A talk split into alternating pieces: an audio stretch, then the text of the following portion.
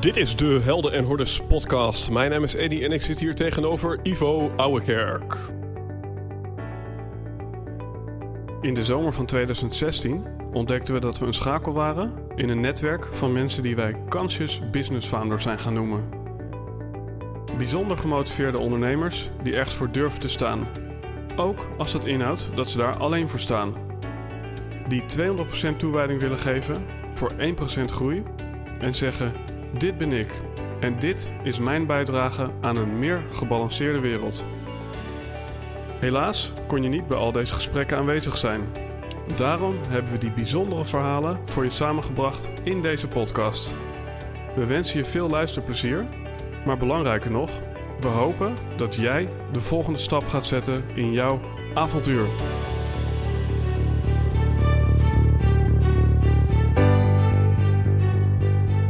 Yes, Ivo Ouwekerk hier. Hij is coach en oprichter van Bureau voor Anders Denken. Ivo laat je anders denken over je bedrijf, over je business, over je strategie, maar vooral over jezelf. Hij helpt ondernemers en professionals te oogsten wat ze graag willen bereiken door de inzet van zijn eigen IVO-methode Copyright. Inzicht veranderen en oogsten. Inzicht door anders te kijken, veranderen door anders te denken en oogsten door anders te doen. En in gesprek met hem zometeen ga ik praten over het verschil tussen doen en zijn, over letterlijk en figuurlijk afgaan op het podium en hoe dingen niet gelukt kunnen zijn, maar wel geslaagd. Yes, Ivo.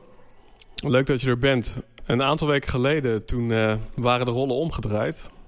Toen was jij degene die mij interviewde. En wat ik uh, toen ook al van je kreeg, is dat jij zelf ook een enorm goede verhalenverteller bent. Jij noemde mij toen een goede verhalenverteller. En dan is de regel vaak wat je zegt bij jezelf. Ja.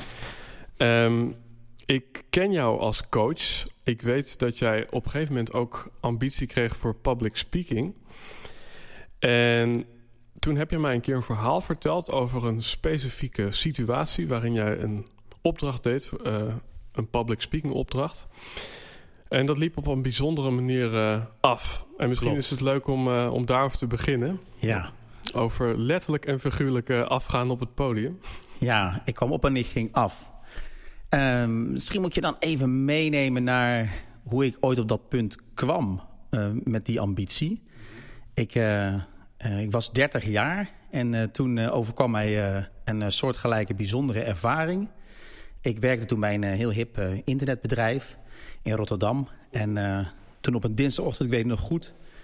toen kwam de commercieel directeur naar me toe en zei... Ivo, heb je misschien heel even voor me? En uh, twintig minuten later zat ik bij hem op kantoor. En hij zei tegen mij... Ivo, we kunnen echt niet zonder jou. Maar dat gaan we wel proberen. en dat okay. was uh, een memorabele, memorabele dinsdag. Ik kreeg ontslag. En ik was middags al om drie uur thuis met een ontslagbrief in mijn tas. En mijn vrouw zei van... wat, wat ben jij vroeg thuis? Zeg, ja, ik ben ook ontslagen. En toen zei ze, wat ga je nu eigenlijk doen? En dat is overigens de eerste keer in mijn leven... ik was toen 30 jaar... dat ik toen echt dacht, ja, wat ga ik eigenlijk doen? En, en wat was dan de reden van je ontslag? Want dat, dat klinkt natuurlijk heel dubbelzinnig. Ja, nou, het was heel simpel. De stekker ging eruit. Mm -hmm. Dus die, uh, die mooie boodschap uh, moest hij volgens mij nog aan 60 andere mensen geven. Okay, maar in ieder geval, het geld was op. En uh, het was een internetbubbel, die spatte daar al vroeg ja. uiteen. Dus uh, ik maakte me helemaal niet zo'n zorgen. Want mm -hmm. niet zozeer om geen werk te hebben, maar wel dat ik dacht, ja, wat, wat wil ik nu eigenlijk? Dat was de eerste keer in mijn leven dat ik me die vraag stelde. Ik was 30 jaar oud. Mhm. Mm -hmm. En toen ben ik in uh, het trainersvak terechtgekomen. Ik had een traineeship bij KPN achter de rug. En daarin uh, had ik al vroegtijdig kennis gemaakt met een groot trainingsbureau. Mhm. -hmm. Daar heb ik aangeklopt en toen ben ik aangenomen als trainer. Mhm. En toen heb ik een, een behoorlijk groot aantal jaar, of een groot aantal trainingen gegeven. Uh, meer dan 10.000 uur voor een groep gestaan. En uh, toen ik dat uh, zo'n acht jaar daar deed, toen dacht ik... ja, het enige wat ik nog niet kan is factureren. Volgens mij leer ik dat wel in een ochtendje. Dus toen ben ik voor mezelf begonnen. En, en in die route, want dan kom ik natuurlijk op dat public speaker. toen brak er vervolgens wel wat economische crisis uit. En wat doe je dan als eerste? Bij die grote bedrijven waar ik optrad... ging training en opleiding als eerste de deur uit... En toen, uh, ja, toen dacht ik, ik moet iets anders. En toen dacht ik, ja, weer op dat moment, wat wil ik eigenlijk? En toen dacht ik, weet je wat? Als je nou de volgende stap in mijn carrière is public speaker. Ik zag dat al helemaal voor me. Mhm. In het rijtje van Remco Klaassen, Jos Burgers en, uh, en uh, Jan van Zetten. En dan zag ik mijzelf, mijn naam prijzen. Ivo Ouwerkerk. Keynote spreker bij een, een of andere managementboek uh, bijeenkomst. En uh, daar ben ik toen mee aan de slag gegaan. Ben hard daar mee aan de, de, weg gaan timmeren. Ik had, ik had verhalen in mijn tas. Hoe lang is dit nu geleden? Ik praat nu over vier jaar geleden. En vier jaar geleden ben ik toen een keer... Dat was echt een memorabel moment. Ik was in Buitenpost... Nou, dat is, uh, als je op de kaart kijkt, heel hoog in Nederland. En op de grens van Friesland en Groningen. Wil ik niemand tekort doen, maar ik weet eigenlijk niet of dat nou Friesland of Groningen was. Maar in ieder geval, ik um, deed daar een, uh, een spreekbeurt, een lezing met hoe je het bekijkt of hoe je het noemt. En kreeg wat, wat applaus. na afloop, een lichtelijk applaus. En een man met streekproducten. En ik liep terug naar mijn auto. ik ging zitten, ik reed 500 meter en ik werd overvallen door letterlijk een enorme vermoeidheid. Ik kon gewoon niet meer. Ik heb mijn auto langs de kant van de weg gezet. Ik heb het spiegeltje, binnenspiegel, naar mezelf toegedraaid. En mezelf de vraag gesteld, Ivo, wil ik dit? Mhm. En toen ben ik achter één ding gekomen. En dat is het verschil tussen zijn en doen. Ik kan het, ik deed het, maar ik ben het niet. Ik ben geen public speaker. Ja, ik kan het, maar je moet het zijn om iets te kunnen. En iets te kunnen volhouden. En ik ben het niet. Ik ben een coach. Mhm. En geen public speaker. En ik miste enorm de verbinding. Ik had de hele dag zitten wachten tot ik moest spreken. En dan had ik gesproken. En dan had ik aan het eind van de dag nog niemand gesproken. Ja. Ja, en het interessante is, als ik ook even de, de linken leg naar bijvoorbeeld de, de wereld van artiesten, muzikanten. Dan zit er een enorme kick. En ik heb zelf uh, met één been in die wereld gestaan in ja, die enorme zaal die daar voor je staat. Zoveel gezichten op jou gericht. En de beweging die ik vaak zie bij artiesten is juist om nog een beetje het gevoel van erkenning te hebben, ja, groter te uh, uh, willen worden, zich gelukkiger te willen voelen, is juist nog meer mensen proberen aan te trekken, voor nog grotere zalen staan. Dus ik vind het wel interessant hoe het bij jou het kwartje de andere kant opgevallen kan zijn. Ja, en toch, toch herken ik wel wat jij zegt. Ik had dus kennelijk in mijn hoofd een verbinding gelegd tussen goed zijn betekent dat je meer mensen moet toespreken. Dan was een, een zaaltje van twaalf deelnemers... waarin we een eendaagse training deden... was niet meer voldoende voor mij. Ik, ik wilde een publiek bereiken. Niet meer de groep, maar het publiek. Ik had het idee dat als mensen me zien... en, en, ze kunnen, en ik kom met een vooraankondiging... dan ben ik goed. Dan, dan doe ik ertoe. Dan heb ik naam. Mhm. En dat is dus helemaal niet zo. Uh, toen ik erachter kwam en in die periode dat het ook wat minder met me ging... Ben ik ook wel, uh, heb ik ook een coach opgezocht. En die heeft dan ook mij geleerd dat er geen relatie hoeft te zijn... tussen op een podium staan en goed. En toen ik dat weer los te koppelen... dat ik niet mhm. op een podium hoef te staan om goed te zijn... maar dat ik goed ben van wie ik ben... toen zag ik in één keer dat het me dus gewoon moeite kostte. Dan zag ik in één keer dat ik er dus gewoon op leeg liep. Mhm. Dat ik het wel kon, maar dat ik het niet ben... En dat ik dus de hele dag nodig had om naar dat punt toe te werken... dat die zaal met 60, 80, 100, 200 man gevuld was. Mhm. Dan je verhaal vertellen en dan, en dan eigenlijk in de afloop leeg zijn. Want je stond er eigenlijk niet vanuit geluk... maar je stond daar vanuit misschien wel angst? Angst. Ik, ik dacht, als ik dit niet doe, dan ben ik niet goed. Mhm. dan, uh, Waarmee het eigenlijk een excentrieke motivatie is. Juist. Mm er kwam niet van binnenuit. Het was niet iets van um, dat ik een podium nodig heb om, uh, om te zeggen, uh, anderen verder te helpen. Uh, want dat is wel een rode draad. Ik, ik wil wel heel graag anderen verder helpen. Mm -hmm. Maar dat doe ik liefst door, door verbinding met anderen aan te gaan. En, en in een zaal heb je geen verbinding. Dan heb je een microfoon en je staat soms letterlijk 60 centimeter hoger. En dan kan je wel zeggen, ja, dan moet je connectie met de zaal doen en interactie. Maar dat is geen verbinding. Dat is gewoon de mensen zorgen dat ze drie kwartier naar hun zin hebben... en tussendoor humor gebruiken. En dat lukt me uitstekend hoor, een paar humor te mhm, gebruiken. Mhm. Niet dat ik een flauwe grappenmaker ben, maar ik ben assertief genoeg... door te reageren op een grappige manier. Maar ik had er geen voldoening van.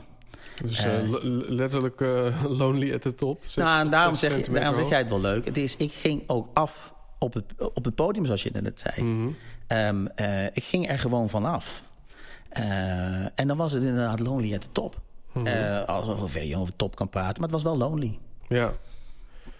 En toen ben je weer de wereld van coaching ingerold.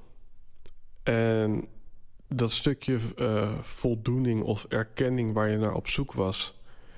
Je zegt ja, dat je dat in ieder geval niet uit het podium haalde heb je enig idee hoe je nu die erkenning bij jezelf meer hebt gevonden en hoe je je zelfwaardering hebt weten te herstellen? Ja, daar heb ik natuurlijk. Dat gebruik ik natuurlijk ook in mijn dagelijkse werk. Als ik met anderen hierover praat. Want iedereen zoekt daar uiteindelijk toch naar. Je kan heel hoog en laag springen. Maar we zoeken natuurlijk allemaal om een beetje bevestiging en erkenning in het mhm. leven. Ehm, mijn recept is geweest, en dat wil misschien helemaal niet zeggen dat het recept is, is dat ik overgestapt ben van angst naar vertrouwen. En dat begint natuurlijk met zelfvertrouwen. Dus niet doen omdat ik bang was niet goed gevonden te worden. Maar terug bij mezelf gewoon tegen mezelf kunnen zeggen... Ivo, je bent goed genoeg. Mhm. En die rust uh, en die ruimte vooral... dat bracht mij heel veel mentale vrijheid.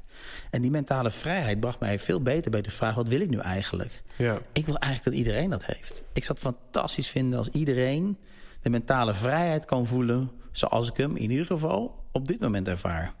En is dat waar je anderen nu ook mee kan ondersteunen als coach? Of, want ik kan me voorstellen, ze zeggen je moet zelf altijd iets hebben meegemaakt of doorstaan... of in ieder geval kunnen voelen of weten. Ja. Is dat waarom mensen nu naar jou toe komen?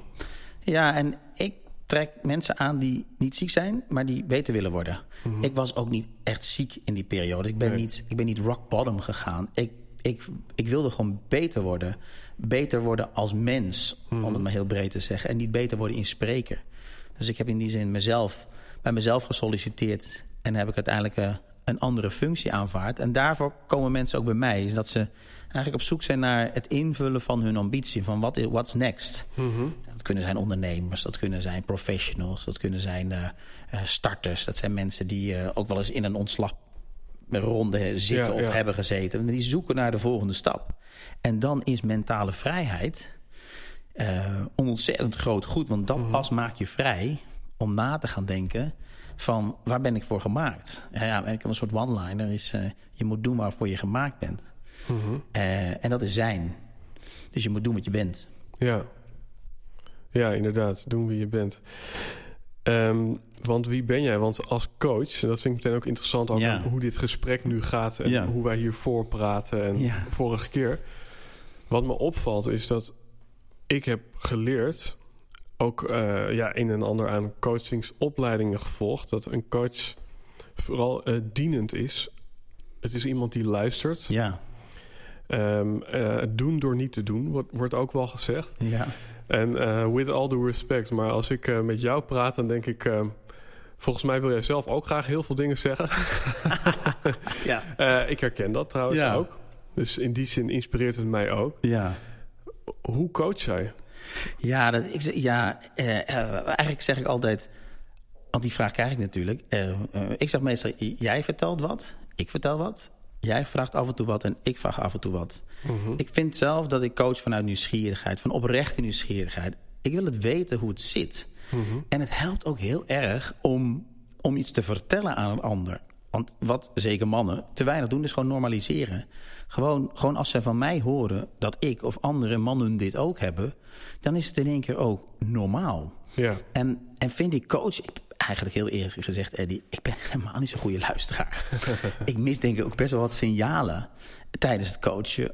Maar het is misschien meer inspireren. Het is misschien meer aanzetten, meer stimuleren. Hmm. En het geloof teruggeven wat een ander misschien af en toe even kwijt is... of geloven dat ze die volgende stap kunnen zetten. Uh, en in ieder geval ervaren dat ze die keuze zelf kunnen maken. Hmm. En, en dus ik ben niet die traditionele coach die dan ja, hele diepzinnige vragen weet te stellen. Ik kan gewoon een goede dialoog voeren. Ja, en ik kan me voorstellen dat eigenlijk, hoe ik het zie... Uh, je wordt uh, tijdelijk even vrienden met iemand. Ja. Uh, je gaat samen wat wandelen. Ik kan me voorstellen dat mensen daarbij denken... wacht eens even, als stelde dat ik dat zou doen... Hè, ik ben ook coach... Hoe, hoe, hoezo kan je er eigenlijk geld voor vragen? Want ja, je maakt gewoon samen een mooie wandeling. En ja. uh, je vertelt allebei even wat, wat je beweegt. Ja, en, en, als je kijkt wat mensen... Eh, misschien is het een hele rare metafoor... maar neerleggen om naar de Efteling te gaan... dan denk ik, ja... het is natuurlijk ook gewoon een, een, een beleving. Het is ook... en ik wil... het, het is ook een... Ik laatste iemand tegen mij wel iets moois, dat raakte hem ook wel hoor. Hij zei, Ivo, ik heb niet zo iemand zoals jij. Ik kan het niet delen met mijn compagnon, daar heb ik zakelijk belangen mee. Mijn vrouw en ik zijn meer bezig met de kinderen dan met elkaar en zeker niet met mij. ik, goede vrienden van vroeger, daar ga ik mee naar het café. Maar ik mis gewoon een, een goede soulmate. Ja. En ik ben blij dat ik even met jou mag optrekken. En ik ben dan blij dat ik een periode met hem mag optrekken.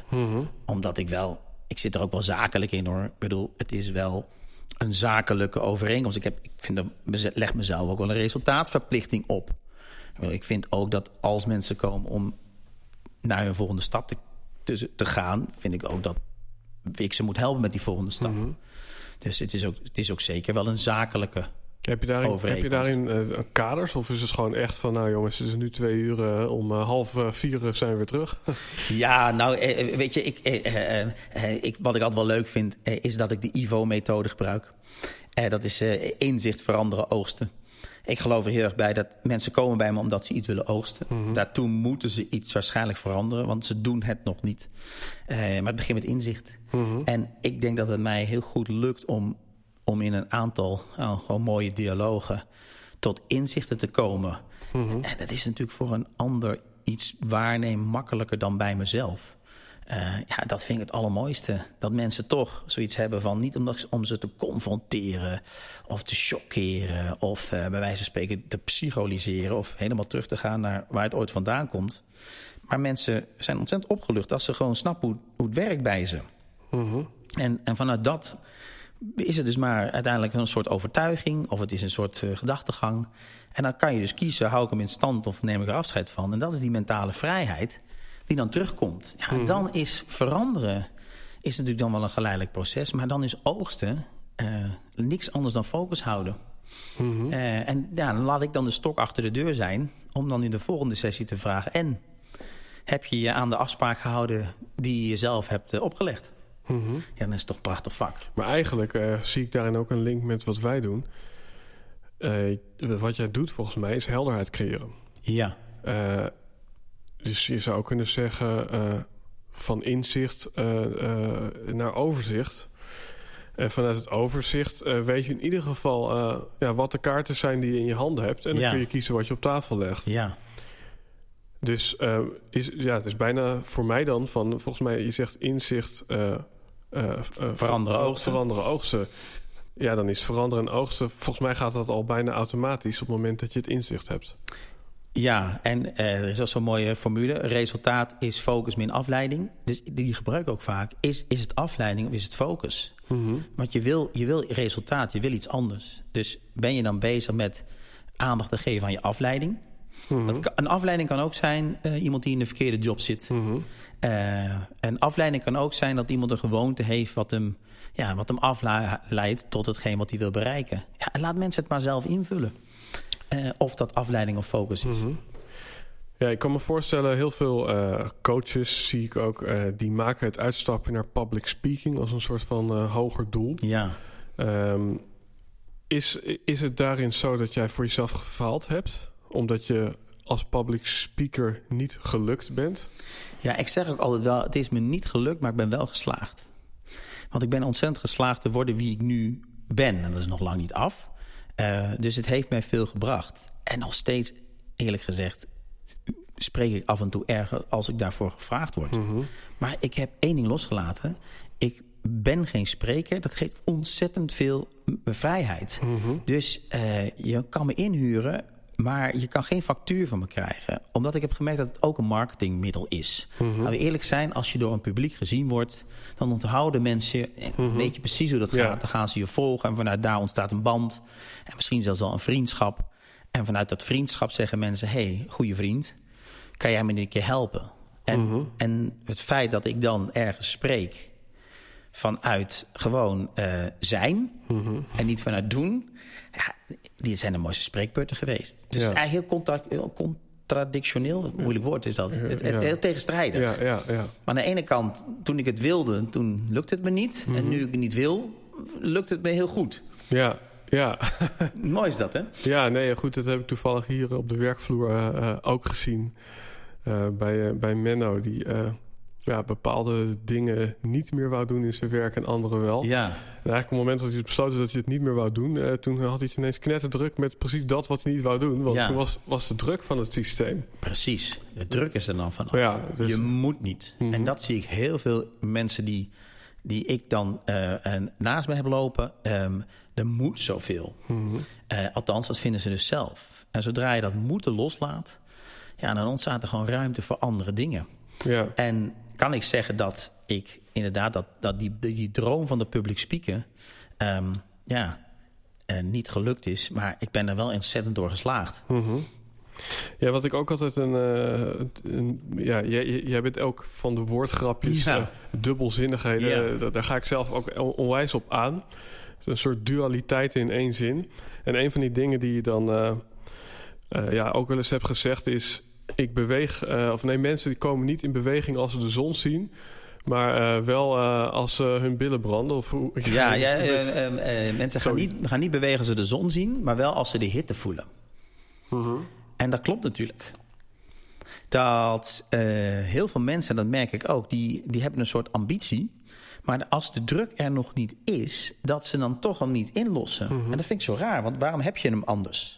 Dus kennelijk moeten dan mensen een soort aangezet worden. Daarom, daarom vind je ook terug in de literatuur... dat de mensen de meest uh, bijzondere stappen in hun leven zetten... als ze een scheiding krijgen, uh, mm -hmm. met de dood te maken hebben... een faillissement, ontslag. Dat zijn hele goede game changers. Ja. Ik er wel in geloof dat je ook kan changen... zonder dat je rock bottom gegaan moet zijn. Ja. En ik ben daar misschien ook wel een voorbeeld van. Want ja, ik zei dat in de podcast volgens mij toen ik jou mocht interviewen... waar ik overigens mm -hmm. steeds met heel veel plezier naar terugkijk, Eddie... die moet overigens iedereen ook even luisteren... want daar laat jij uh, jezelf zo mooi zien. Um, dat ik... één ding klopt in mijn leven niet. Ik ben een zondagskind, maar ik ben op dinsdag geboren. En dat is het enige wat niet klopt. Maar, maar dus zondagskinderen kunnen ook gewoon wel... Um, uh, uh, verder groeien. Je ja. hoeft niet altijd rock bottom gegaan te zijn. Ja, ja, en, en uh, hoe doe je dat? Want je hebt jezelf uh, nou, bewogen uh, om in ieder geval ja, te flirten met public, public speaking. Ja. je bent ondernemer. ja, je hebt volgens mij een, een, een gave woning, een leuk gezin. ja. Eigenlijk gaat het een soort van wat als alles lukt. Ja, en, en dan, en dan ja. toch ondernemers zijn ja. en best wel dappere daden verricht hebben. De, de, ik denk dat dat voor de luisteraar ook wel interessant is. Van, ja, hoe, hoe heb jij dan uh, je eigen huis in brand gestoken in deze metafoor? Ja, uh, nou, ik, ik, er liggen wel heel veel credits ook bij uh, Patricia, mijn vrouw. Als die nooit iets gedaan heeft, wat ik ook echt wel in mijn omgeving, maar ook wel in mijn, bij mijn coachklanten zie, is dat de druk van partner hoog kan zijn. Ja, nou, maar doe dat nou maar niet. Want mm -hmm. één ding, als ik echt heel veel credits wil geven aan Patricia, is Um, dat zij me altijd gelaten heeft in mijn uh, uh, zoektocht, toch wel. Um, en altijd het vertrouwen heeft gehouden. En ze had misschien nog wel sneller vertrouwen dat het goed kwam dan dat ik het had. Mm -hmm. Dus ik, ja, ik heb echt de stap van angst naar vertrouwen is echt mijn redding geweest. Het komt altijd goed. Mm -hmm. Ik heb ook een mooie one-line op mijn prikbord hangen. Het komt altijd goed, mits je maar actie onderneemt. Ik heb nooit stilgezeten. Ik ben altijd het maar gewoon gaan doen. Dus ik ben gewoon ook wel de schaapte voorbij. Ik heb ook echt wel gewoon in van mijn website tot LinkedIn gewoon ook gezegd dat ik het deed. Mm -hmm. uh, uh, dus ik heb het ook wel... Het is een beetje practice what you preach. Ik zeg het ook tegen mijn klanten. Je moet het ook gewoon een kwestie van, van doen. Ja, stilstand is achteruitgang. Dan is stilstand achteruitgang. Mm -hmm. En ja, het komt altijd wel goed. Uh, nou, tenzij je natuurlijk bang bent om te falen... omdat je bang bent dat je omgeving er iets van vindt... Mm -hmm. Ik ben er wel achter gekomen. Ik heb één, één iets waar ik wel heel erg blij mee ben. Ik heb niet zoveel last wat een ander ervan vindt. En als ik nog eens mijn memoires mag schrijven naar al die coachgesprekken die ik in mijn leven doe en gedaan heb en nog ga doen. Uh, dan, dan zit hij wel in de top drie. Dat mensen bang zijn wat hun omgeving ervan vindt. Mm -hmm. uh, en als je dat niet hebt, ja, dan is er al in ieder geval uh, een behoorlijke hap gewonnen. Ja, en toch stond je daar in ieder geval uh, toen der tijd op het podium. Omdat je waarschijnlijk een applaus wilde, omdat je erkenning wilde. Ja. Is, is dat dan uh, het lek bij de loodgieter? Uh, ja, het lek bij de lood. Nou, in ieder geval is het wel iets dat ik nu kan zeggen... wat ik vier jaar geleden nog niet zo uitgesproken zou hebben. Dan had ik het ook nog niet gezien. En dat is wel grappig. Ik bedoel, ik heb ook een Facebook-account. Nu, nu snap ik sommige one-liners. Ik vraag me er wel eens af of de mensen die hem plaatsen hem zelf snappen. Um, nu, nu snap ik ook inderdaad dat het leven geen bestemming is, maar een route of zo. Hè? Dat, dat, dat soort dingen die. Dat als je hem zo losleest, is het een one-liner. Maar als je er echt over nadenkt, dan, dan klopt het ook wel. En dat vind ik wel mooi van ouder worden. Eh, en ook wel een beetje ja, onder, dingen ondernomen hebben. Dat ik in het moment dat wij hier nu zitten, dit kan zeggen. Dat kon ik vier jaar geleden nog niet. Dan was ik nog zo bezig met applaus krijgen. Eh, terwijl ik dat, wat ik al zei, die relatie heb losgelaten. Ja, ehm, kan ik nu zeggen dat ik, ja, kan ik nu zeggen dat ik die erkenning niet meer nodig heb van de ander. Ja. Maar vooral de erkenning haal mezelf. Ik mag er zijn. Wat ik doe is goed. Ja, doe me ook denken aan eh, Jim Carrey. Die zegt, ik gun iedereen dat hij miljonair wordt... om vervolgens achter te komen dat het hem daar niet in zit. Juist. Ehm, nou ja, goed. Jij bent eh, public speaker geworden om erachter te komen voor jezelf... dat het daar ook niet in zat. Eh, wat, wat, wat kenmerkt jou als, als kleine jongen? Even van, vanuit de gedachte van het zijn. Dus, Ja. dus je, je bent het eigenlijk al je hele leven. Ja. Ehm, ja, als je daar naar terugkijkt, ben jij dan helemaal in lijn eh, met eh, wie jij ja, in, eh, als authentieke klein jochie was, zeg maar? Ja, ik denk nu weer wel. Ik was gewoon een onbevangen, enthousiaste, pratende jongen die, ehm, die gewoon eh, niet zozeer bij morgen leefde, maar meer bij vandaag. En ik was nergens eigenlijk bang voor. Ehm, ik was de kleinste van de klas altijd. En ik weet nog wel goed dat ik. eh, hadden we basketbal of volleybal. En dan, en dan mocht de gymleraar. die ging dan een paar jongens of meisjes uit de klas aanwijzen. om groepjes in te delen. En dat ging natuurlijk niet snel genoeg. Maar ik werd nooit gekozen. En dan zei uiteindelijk de gymleraar... nou Ivo, eh, jij bij die groep en Freek, jij bij die groep. Dat was ook een van de kleinste jongetjes van de klas. En ik had daar dan toch niet zo'n last van. Eh, want ik werd feitelijk niet gekozen, maar ingedeeld. En, en ik, op een of andere manier heb ik daar later last van gekregen. Eh, en dat, dat was misschien wel mijn, mijn, mijn hoogtepunt, dat podium bereiken. Dat ik dan denk, ja, dan pas gaan ze me kiezen. Eh, maar, maar als jongetje had ik daar dus helemaal geen last van. Ja, vraag me niet waar ik het uit heb opgelopen. Ik denk hetzelfde is dat ik wel, wel een mooie metafoor vind. Als je met een auto 100.000 kilometer rijdt, dan liggen er, zijn er best wel krasjes op. Maar als je dan vraagt wanneer heb je dat krasje gereden, dan weet je het niet. Nee. Sommige mensen rijden een deuk en dan valt hij in één keer aan te wijzen. Kunnen de mensen nog heel goed herinneren precies waar die deuk was. En ook nog eens een keer Ja. dat het hun schuld niet geweest zou zijn. En ja, ik heb misschien wel het geluk gehad dat ik niet echt deuk heb opgelopen, maar wel hier en daar wat krasjes.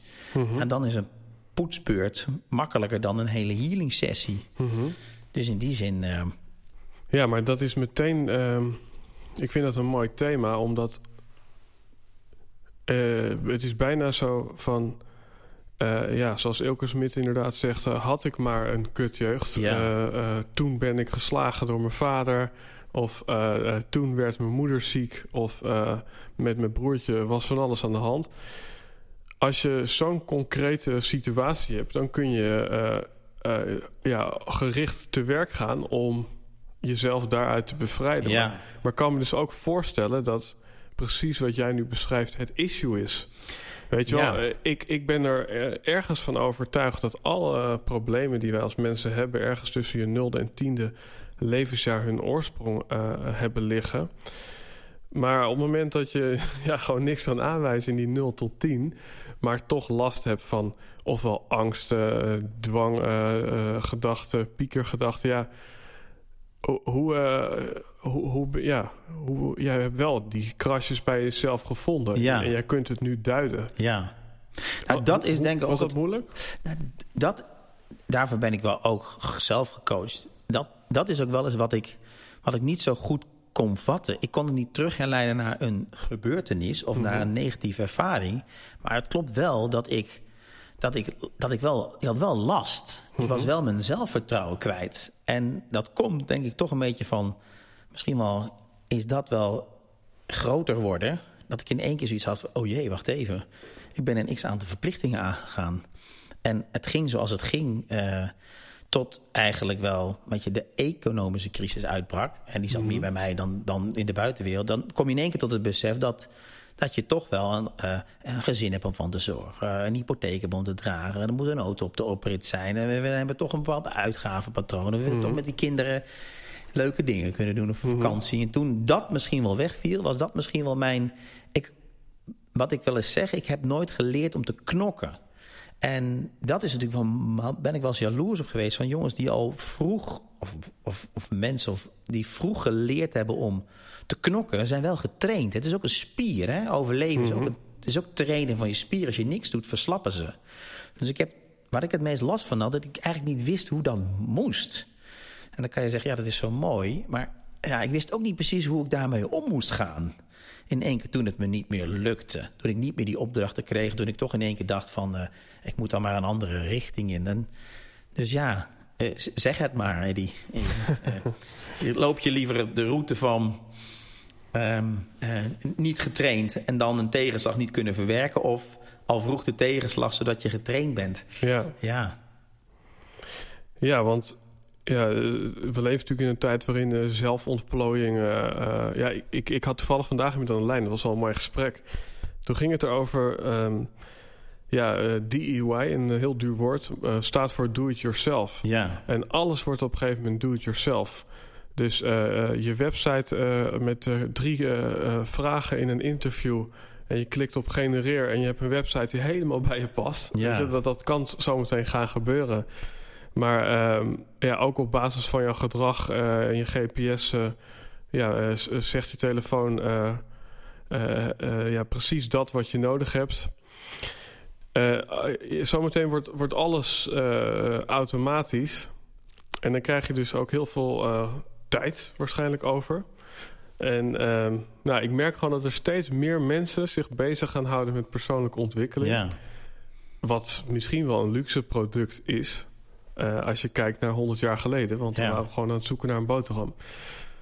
Um, ja, in, in hoeverre vind jij jouw vak urgent? ja, ik... ik of of, ja. of zie je het echt als spielerij? Want, want wat je zegt van nou, ik... Uh, ik, ik help mensen uh, die, die, die eigenlijk al gezond zijn, maar nog beter willen worden. Ja, weet je, het is, het is natuurlijk mijn invulling. Want mensen die bij mij komen, die ervaren natuurlijk zelf wel een obstakel. Alleen ik probeer hem een beetje terug te brengen naar het perspectief van... is het nou een probleem, is het een ambitie? Kom je hier uit urgentie of uit ambitie? Dus ja, is het spielerij? Soms, soms is het ook wel eens... ja, ik zeg het wel eens scherend in één sessie uh, klaar. Dat je gewoon zegt, get your ass together. Hmm. Pak je verantwoordelijkheid, joh, en ga gewoon. Ja. Lul niet, maar doe het gewoon. Ja. Dus, dus, waarom kom je hier met mij praten? um, uh, dus, maar aan de andere kant, soms heb je daar wel eens zes keer voor nodig... om dat kwartje te laten landen. Dus ja, ik, ik, ik, laat ik zeggen, ik ga niet... Um, ik heb niet het idee dat dit een onmisbare schakel is in onze samenleving. Maar, en dat is volgens mij wat Ilko Smit op zijn website heeft staan. Als ik me dat of in een boek geschreven heeft... dan zelfs het scherpste mes kan zichzelf niet slijpen. En dat vind ik wel een mooie. Mm -hmm. Zelfs het scherpste mes kan zichzelf niet slijpen. En, da, en, daar, en da, da, daar geloof ik wel in. Dus in die zin is, is coaching toch wel... Ja, niemand, niemand heeft een coach nodig, maar iedereen kan er één gebruiken.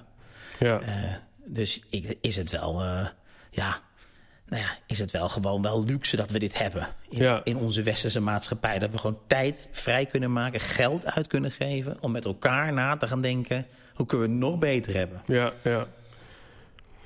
Want uh, ja, waar, waar sta je dan over vijf jaar? Die vraag die stelde je vorige keer aan mij. Ja.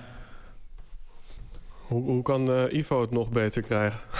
nou, we, ik, kijk, waar we het nu heel erg over hebben... is, is die, die kant dat mensen één op één bij mij komen. En een andere deel van de week besteed ik met business coaching. Dat is eigenlijk hetzelfde, maar dan... in plaats van dat ik met één iemand zit... zit ik met een paar mensen...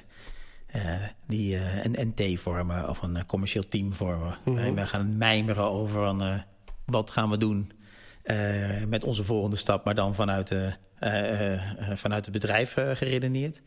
Ik denk dat ik over vijf jaar um, nog scherper op mijn netvlies heb wie ik ben voor wie. Mm -hmm. Dat mijn doelgroep nog smaller wordt. En dat ik nog meer mensen aantrek die echt bij me passen. Ik geloof wel echt in dat je moet doen, echt, dat je moet, echt moet afvragen wie ben je voor wie. Mm -hmm. En nu, nu, ja, nu ben ik eigenlijk een coach voor iedereen die een ambitie heeft. En ik denk dat ik steeds, steeds meer ja, uh, ik denk dat ik steeds ehm, eh, minder mensen op me afkrijg, uh, maar die steeds beter bij me passen. Mhm. Ja, want ik had vandaag gesprek met iemand en ehm, ik, ik noem dit omdat ik die vraag wel heel regelmatig ook krijg.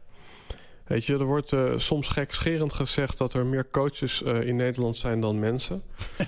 um, en dan kun je je afvragen, Ja. um, en daar zit bij ook heel veel coaches een stukje onzekerheid van wat typeert jou als coach en waarom zou je niet naar die anderen gaan? Ja. Of zoals ik zelf wel eens zeg, stel je staat in een hal met 99 vitaliteitscoaches en jij bent zelf ook een vitaliteitscoach Ja.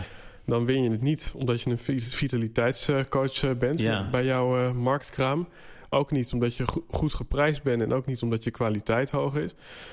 Wat zou jij eh, de coaches van Nederland eh, eh, willen meegeven eh, als het eh, ja, erom gaat eh, ja, dat, dat, dat ze gewoon werk kunnen blijven Ja. binnenhalen? Dat Ja. ze hun vierkante meter eh, eh, krijgen. Ja. Zon- zonder dat ze het gevoel hebben met 99 anderen te moeten concurreren. Nou, dan zou ik in ieder geval die grote zaal in twee vakken indelen. Dat is doen en zijn. Dan zou ik zeggen, als je dit bent, dan moet je in het vak A gaan staan. Als je het doet, dan moet je in vak B gaan staan. Dan zou ik tegen, als mensen dan verdeeld zijn, dan zou ik zeggen, de mensen in vak B. Ik zeg, nou, vooral ehm, heel hard schreeuwen, Facebook-campagnes draaien, ehm, mooie websites hebben en eh, e-books gratis uitdelen en hopen dat klanten op je afkomen, maar je kan er nooit meer van leven. Dus s- succes, maar zoek ook een andere inkomstenbron. En doe het vooral eh, omdat je het zelf belangrijk vindt. Eh en de mensen naar zijn, daarin, die vinden wel het antwoord. Die zijn het. Die geloven ergens in, die durven ergens voor te staan. Die durven ook geld te vragen. Die durven ook te vertrouwen dat ze goed zijn. En ja, het is net als een goed product. Het verkoopt zich misschien niet vanzelf. Maar het vertelt zich wel vanzelf rond. Dus ik geloof erin dat de goede coach... die heeft ook geen website. In de zin van, die, daar komen mensen op af. Dat ik er lang over gedaan heb om op dit niveau te komen... als ik even over niveaus praat... ja, daar heb ik natuurlijk een heel veel een lange aanvliegroute voor gedaan. Ehm, dus je moet wel een lange adem hebben. Dat, het gaat eigenlijk niet over mij, want dat is niet de vraag hoe jij dat doet... maar wat je advies is. Mijn advies is wel volhouden. Dus je moet wel, um, uh, uh, je moet wel niet durven op te geven. Dus je moet het zijn en je moet niet durven opgeven... en je moet durven te vertrouwen.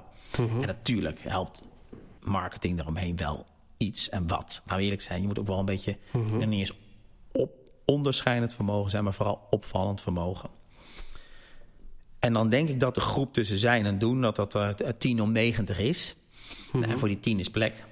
Ja. En die 90, die, uh, die bak vervestig iedere keer. Ja, ja. Prima. Ja, ik heb, ik heb me ook wel eens laten vertellen... Um, heel veel mensen uh, die gaan dan de hoe-vraag stellen. Dus ja. hoe kan ik dan wel uh, in de kijker komen? Hoe kan ik concurreren? Maar wat jij nu inderdaad uh, zegt is... laat het los en vertrouw er gewoon op. Ja.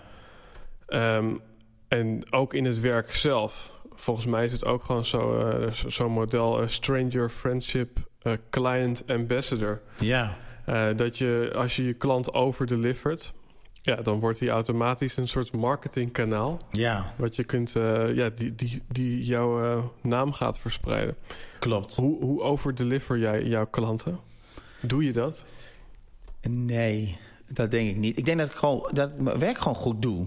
Ik denk dat mensen gewoon uiteindelijk, uiteindelijk zeggen: ik, ik ben tevreden wat, die gele wat, wat ze met mij bereikt hebben. En dat en omdat het een persoonlijk vraagstuk is, hebben mensen het in hun persoon erom.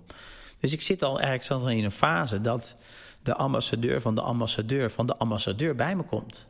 En ja. daarmee heb ik echt nog wel hoor een andere inkomstenbron nodig. En doe ik ook nog steeds trainingen bij. En doe ik ook nog business coaching. En af en toe ook nog wel echt een betaalde opdracht met spreken. Mm -hmm. Gewoon simpelweg omdat je een lange adem moet hebben. Dus mijn ja. advies is, uh, of heb twee ton op de bank en stort je volledig op het coachen en doe gewoon heel goed je ding en weet dat je van je spaarcenten twee jaar moet leven. Of zorg ervoor dat je een tweede inkomstenbron erbij hebt. Maar blijf vooral vertrouwen en blijf vooral volhouden. En ik zeg ook de moeilijkste stap eh, om, om, om business te krijgen moet je eigenlijk van onbekend naar bekend. van bekend naar bemind en van bemind naar onmisbaar. Ehm, en de moeilijkste stap is van onbekend naar bekend. Weten dat je bestaat. Maar als jij bekend bent, al is het maar bij tien mensen. En doordat je met ze in contact komt, bemind raakt. Dus met andere woorden, kan je me helpen.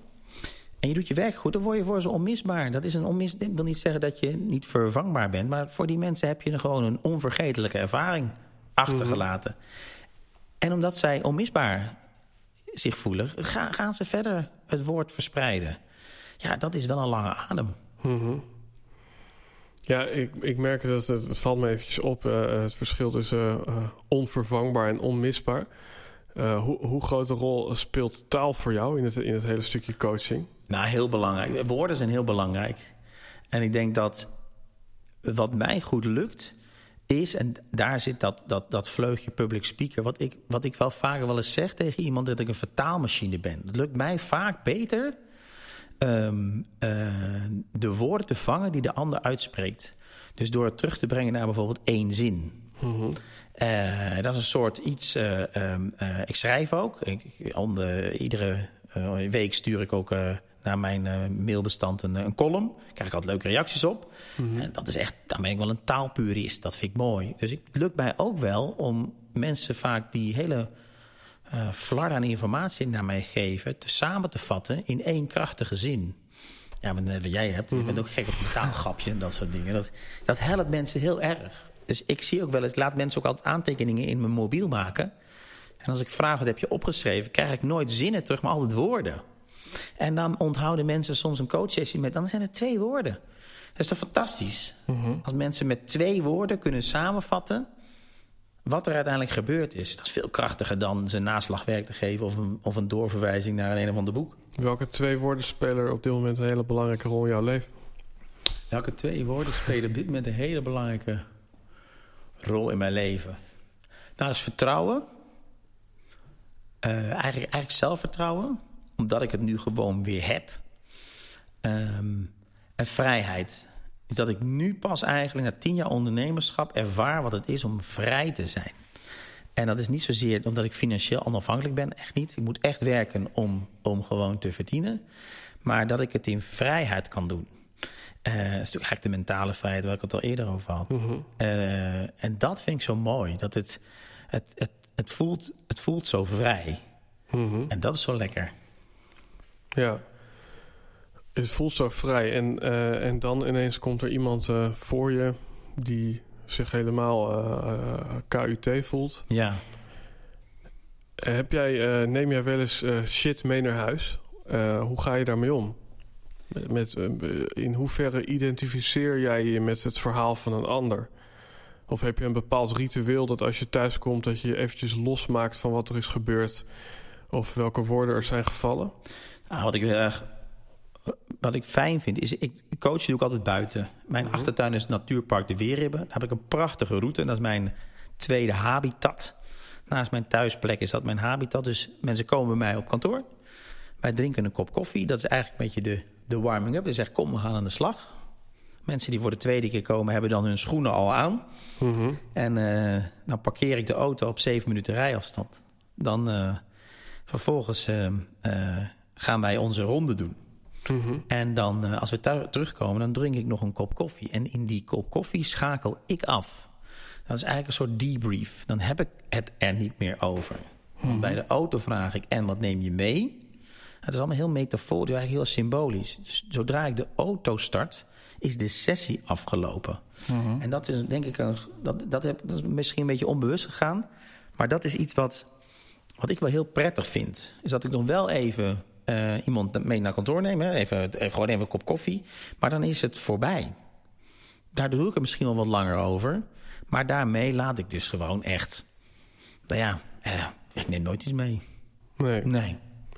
Nee. Is, is dat eh, eh, key als, als, als coach? Dat je, dat je, dat je kunt eh, loskoppelen? Dat denk ik wel. Ik heb dat als trainer ook ervaren. Ik heb 10.000 uur voor een groep gestaan. En ik voelde me nooit, zal maar zeggen, verplicht om eh, te blijven zitten of nog iets mee te drinken. Ik was het in de auto gewoon echt vergeten. Ik bedoel, ik kan echt wel herinneren wat zich afspeelde en wat er. Nou ja, zou zeggen, de hoogtepunten waren de leerpunten en dat soort dingen. En ik kon echt wel een goede evaluatie schrijven. Maar nee, het is, is denk ik, ik denk als je als coach geschikt bent, als je dat kan. Zo stel ik me dat ziekenhuis ook voor. Dat als je oogarts bent en er komt iemand met een uh, rotje in zijn oog. Ja, en het kind is uh, 16. Dat je naar huis gaat, nou, misschien wel toch wel met het idee van... Uh, ja, had hij niet moeten doen. Of had nou maar die bril op gehad. Maar ik hoop dat die arts dat niet meeneemt in emotie. -hmm. Wat is voor jou het verschil tussen... Ik, ik, merk dat er ook heel veel mensen daar een beetje mee struggelen. Kijk, het verschil tussen public speaker en coach, nou, dat is helder volgens ja. mij. Wat is het verschil tussen trainer en coach? Want zeker op de manier waarop jij uh, coacht, ja. uh, waarin het niet alleen maar luisteren is, ja. waar, waar, waar, ligt voor jou het verschil? Nou, ik vind, ik vind het, als je zegt, als ik mezelf mijn jas aan als trainer heb, dan zie ik mezelf echt voor de groep staan. Dus dan maak je gebruik van de groepsdynamiek, van het groepsproces. Daarmee zet je de groep aan het werk. Mm -hmm. Daarmee ga je wel de verbinding aan, maar je niet en de dialoog, maar, maar minder de diepgang. Trainen, wat mij betreft, doet me altijd denken aan um, Karate Kid. Hè, wax on, wax off. Dat is echt mensen vaardig maken. Dus niet werken aan mindset of aan, uh, aan, de, aan de laag dieper. Maar gewoon echt zorgen dat iemand het kunstje kan. Mm -hmm. En ik ben nog steeds een grote voorstander van trainen hoor. Want ik zie soms wat het met mensen doet. Want um, het is ook wel eens een verschil tussen moeten, willen, kunnen en durven. En soms is iets kunnen soms een, een, een voorbode of een, een, een, start dat je het ook durft. Mm -hmm. Ik heb het vergelijk al met zwemmen. Als je je A-diploma hebt, dan maakt het niet meer zoveel uit in wat voor water je springt. Dan durf je dat wel. Dus het verschil tussen, wat mij betreft, is trainen echt het groepsproces en echt de vaardigheden. Ik vind coach echt een beetje, ja, ook uh, mindset en diepgang en uh, wat mijmeren, filosoferen en verkennen. Dus het heeft ook een beetje te maken met aandachtsgraad die je kan geven aan iemand. Mm -hmm. En dat kan in de groep gewoon minder dan in de, bij het individu. Ja. ja, maar het is wel een vak. Ik heb wel echt gezien dat het een vak is. Ik vind echt coach is echt een vak. Want jij maakt een mooie opmerking. Het lijkt wel, dat zeg ik ook altijd, als je niks kan, kun je nog altijd coach worden. Ja. En iedereen die, iedereen die op LinkedIn is in between jobs beschikbaar is ook slash coach. Ah, dat, is, dat is gewoon doen en niet zijn. Mm -hmm. En dat maakt het grote verschil. Ja, nee, ik vind het bijzonder dat jij het bent en dat voor jezelf hebt ontdekt. Uh, mede om het feit dat, uh, ja, ja, wat je net zelf zegt, weet je wel. Uh, jou, je huis stond niet in de fik, je vrouw liep niet weg. En toch ben jij zo iemand. En het is, is, meteen een inzicht wat ik hier misschien nu zelf ook uithaal. Dat als het nodig is dat je inderdaad zelf een scheiding hebt meegemaakt. En dat je dan vervolgens aangaat om alle mensen te helpen die ook een scheiding uh, ja. aan het verwerken zijn. Ja, dan kun je je afvragen of het uh, niet voor jouzelf alleen een proces is voor het verwerken. Uh, en of je het dan ook echt bent. Ja. En misschien is het dan inderdaad wel een fase die je in je leven ook weer een keer gaat afsluiten. Ja. Dus dat is voor mij een mooi inzicht wat ik meeneem. Ik heb ook heel veel one-liners meegenomen uit dit gesprek. Uh, laatste vraag die ik altijd stel, uh, dus ook aan jou. Zometeen dan rijden alle mensen naar hun werk en het is een uurtje of negen of acht uur s ochtends. En er staat een heel groot billboard langs de snelweg. Wat staat daarop? Wat wil je mensen meegeven? Um, ben je op pad uit angst of uit vertrouwen? Mm -hmm. Ben je bang om zonder werk te zitten en ga je daar maar naartoe, naar die job die je eigenlijk niet fijn vindt? Of vertrouw je erop dat dit de juiste stap is in jouw persoonlijke ontwikkeling, in jouw eigen, in jouw eigen carrière? Uh, doe je je mond in de vergadering niet open, bang dat een ander daar uh, misschien op reageert? Of heb je het vertrouwen dat jij er mag zijn en dat jouw bijdrage gewenst is? Mm -hmm. uh, moet je de presentatie houden, ben je bang dat je geen applaus krijgt? Of vertrouw je erin dat de informatie die jij geeft waardevol is voor die ander? Nou, zo kan ik nog uren doorgaan. Ja. Mijn billboard zal zijn, ben je hier uit angst of uit vertrouwen? Ja, en ik hoop dat heel Nederland dan uit vertrouwen uh, doet wat hij doet. Ja, dan doen we allemaal waarvoor wij gemaakt zijn. Mm -hmm. En dan uh, is de wereld denk ik een stuk uh, gelukkiger. en dan doen we allemaal het goede. Zou dat, zou dat kunnen? Dat is nog een kritische vraag aan het eind. Maar ik, ik, ik, deel dat met jou. Dus ik geloof ergens uh, ja, dat als we in vertrouwen zijn en allemaal vanuit ons passie en talent handelen, dat we allemaal op de juiste plek zijn en iedereen doet wat hij het liefst doet. En nu is het toevallig Edwin Selei, die ook in deze podcast was, die zegt: stop met het ontdekken van je passie. Ja. Uh, want uh, het feit dat ik mijn passie kan leven, is omdat, uh, omdat er andere mensen zijn die schoonmakers zijn met frisse tegenzin. anderen die zijn vuilnisman. ja, want anders dan moest ik dat werk gaan doen, want iemand moet dat doen. Wat Ja. wel- ik denk dat hij een beetje aan het spelen was hoor, met de materie, maar ja, geloof je dat echt? Nou, ik, joh, ik heb het niet zo over het woord passie. Weet je wel? Ik, ik bedoel, ik heb het over angst en vertrouwen. Doe je dit omdat je erin gelooft? Of doe je dit omdat je, omdat je geld nodig hebt? En natuurlijk hebben we geld nodig. Hè, als ik het even over een baan heb. Maar, maar ehm, eh, ik ben nooit zo. Eh, eh, ik zeg het ook letterlijk op mijn website. Je moet niet komen om je passie bij mij te ontdekken of beter in je kracht staan. Wel gewoon als je keuzes wil maken. Dus doe je waar je in gelooft. Geloof jij in de bijdrage die dat bedrijf levert waar jij voor werkt? Geloof jij in het product? Geloof jij in dat dit voor jou de beste manier is om te zijn? Eh, of doe je dit omdat je nou eenmaal ja hebt gezegd en geen nee meer durft te zeggen? Doe je dit omdat je anders bang bent dat je vrouw zegt van. En, ja, is, en is dat dan erg als je dingen bijvoorbeeld doet omdat je. Dus, want wat ik hoor is weer het stukje inzicht. Ehm, is het erg om iets te doen wat niet helemaal eh, in lijn ligt met, het, met, met je vertrouwen? Nou, als, als maar je er zelf geen last van hebt. En als je maar niet de balans doorslaat dat je, dat je eh, uiteindelijk niet meer beweegt. Omdat je uiteindelijk alleen nog maar aan het verstijven bent. Of alleen nog maar aan het vluchten bent. Ja, Maar ik, ik, en natuurlijk, laat, laten we vooral vooropstellen dat ik hier niet het leven leid van een totaal vrijgevochten jongen die overal scheiden heeft en eh, volledig achterover hangt en het komt allemaal wel goed. Nee, ik, maar ik, ik, wil, ik wil blijven geloven dat zelfvertrouwen mij gewoon helpt. Eh, en er zijn echt nog wel momenten dat ik dingen doe die ik gewoon als werk beschouw. En er zijn echt momenten dat ik het even kwijt ben. Maar je weet pas wat vertrouwen is als je weet wat angst is. Net als we weten wat licht is omdat we weten wat donker is. En we weten wat warm is omdat we weten wat koud is. En als je dat weet van jezelf, weet je waar je staat. En dat ik af en toe wel eens een keer ergens... Ik had laatst, twee weken geleden... reed ik helemaal naar het zuiden van het land... om in acquisitie te gaan voor een opdracht. Ik heb hem later niet gekregen voor een opdracht... eh, om training te verzorgen. En toen later dacht ik, Ivo, waar- waarom heb je dat nou gedaan? Even een momentje dat ik denk... ja, jee, maar als, ik- als die opdracht... nou, dat is wel lekker, dan heb ik weer... ja. En dat is angst. En dan zie je toch dat ik anders in de race zit. Dan dat ik dan denk, eens even goed aan de telefoon doorvraag. Voordat ik in de auto stap. En eens even vraag, wat is hier nou precies de bedoeling? En, en moet ik dan daar wel eerlijk zijn naar mezelf en naartoe gaan? ja. En dat inzicht, dat heeft mij gewoon echt zo ver gebracht. Ja, nee, dus ja, volgens mij, eh, we, we blijven gewoon lekker doorkletsen. Ja. Maar, maar dat doet me inderdaad denken, echt, dat is echt een, een mensenleven geleden dat ik samen met Jur liep en het geld was echt op. Dat was Ja. in, in een van de eerste jaren van Dr. Woe. En toen weet ik nog dat er echt gewoon op de lopende rekening stond op dat moment nog 100 euro. Ja. Nou, dat is echt goed, ja, ook een beetje studententijd. Ehm, en toen, ehm, ja, dan kan je gaan potten. Weet je wel, eh, ik hou die 100 euro vast, we kopen wat goedkoop brood, we gaan eh, acquireren. Wat we toen deden is een eh, harde schijf kopen, omdat die echt super cool was. Want die was vet klein en had vet veel geheugen. Ja. Een een of andere externe harddisk. Wat we ermee moesten, wisten we niet. Maar daar heb ik toen dat inzicht ook een beetje uitgehaald van... We deden dat omdat we dachten, dit willen we gewoon. En dat is dus misschien weer dat stukje vertrouwen Ja. en niet vanuit angst. ja. En dat is uiteindelijk natuurlijk allemaal goed gekomen. Want eh, Ja. anders had ik deze microfoons waar we nu door kunnen praten... ook niet kunnen Ja. betalen. Het komt allemaal goed. Het komt allemaal goed. onderneemt. Dat moet je er altijd wel bij zeggen. En eh, als mensen actie willen ondernemen om in contact te komen met jou... waar eh, moeten ze dan naartoe? Nou, google mij. Ga, ga naar www.ivoouwerkerk.nl.